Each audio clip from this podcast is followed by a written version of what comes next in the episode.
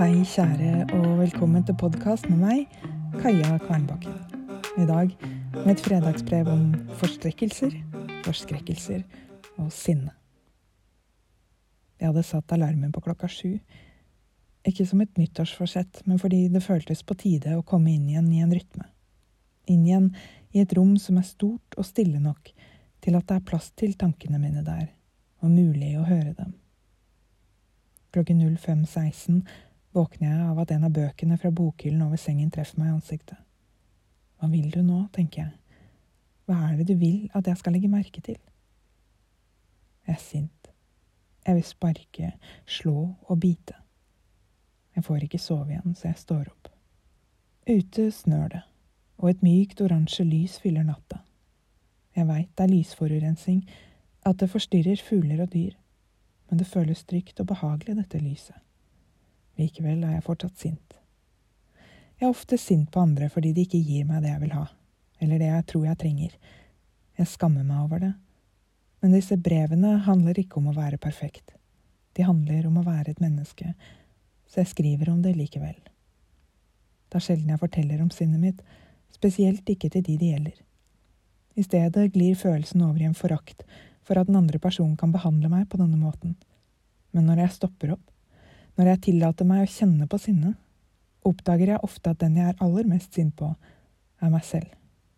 For jeg gir meg heller ikke det jeg vil ha, og jeg tillater at folk tråkker over grensene mine og behandler meg uten respekt. For å være helt ærlig kan jeg finne på å gjøre det for dem, uten at de har bedt meg om det engang. Misforstå meg rett. Det er ikke greit at folk behandler verken deg eller meg uten respekt.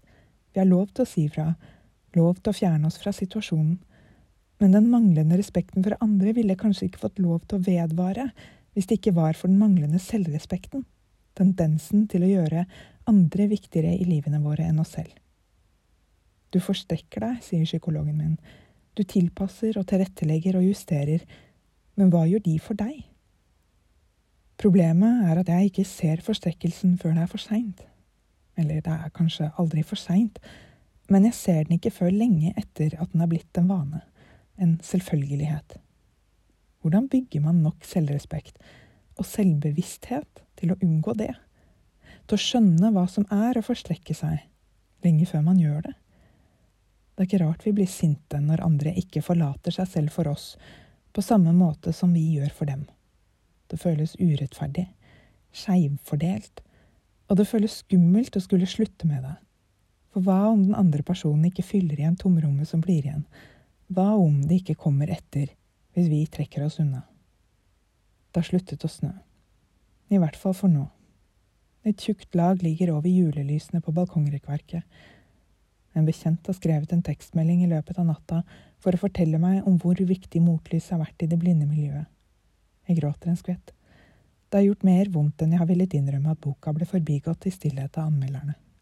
Jeg syns den hadde fortjent mer, men i det minste har jeg dette at flere i miljøet synes at boka er noe av det beste de har lest om å bli blind, og at den gis til venner og familie for at de skal forstå hvordan det føles å miste synet.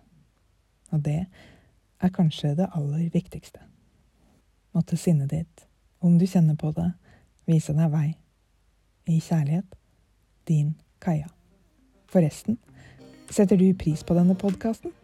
Gi den fem stjerner der du lytter til podkast, og del den med andre du tror vil sette pris på den. Det setter jeg pris på. Vi høres.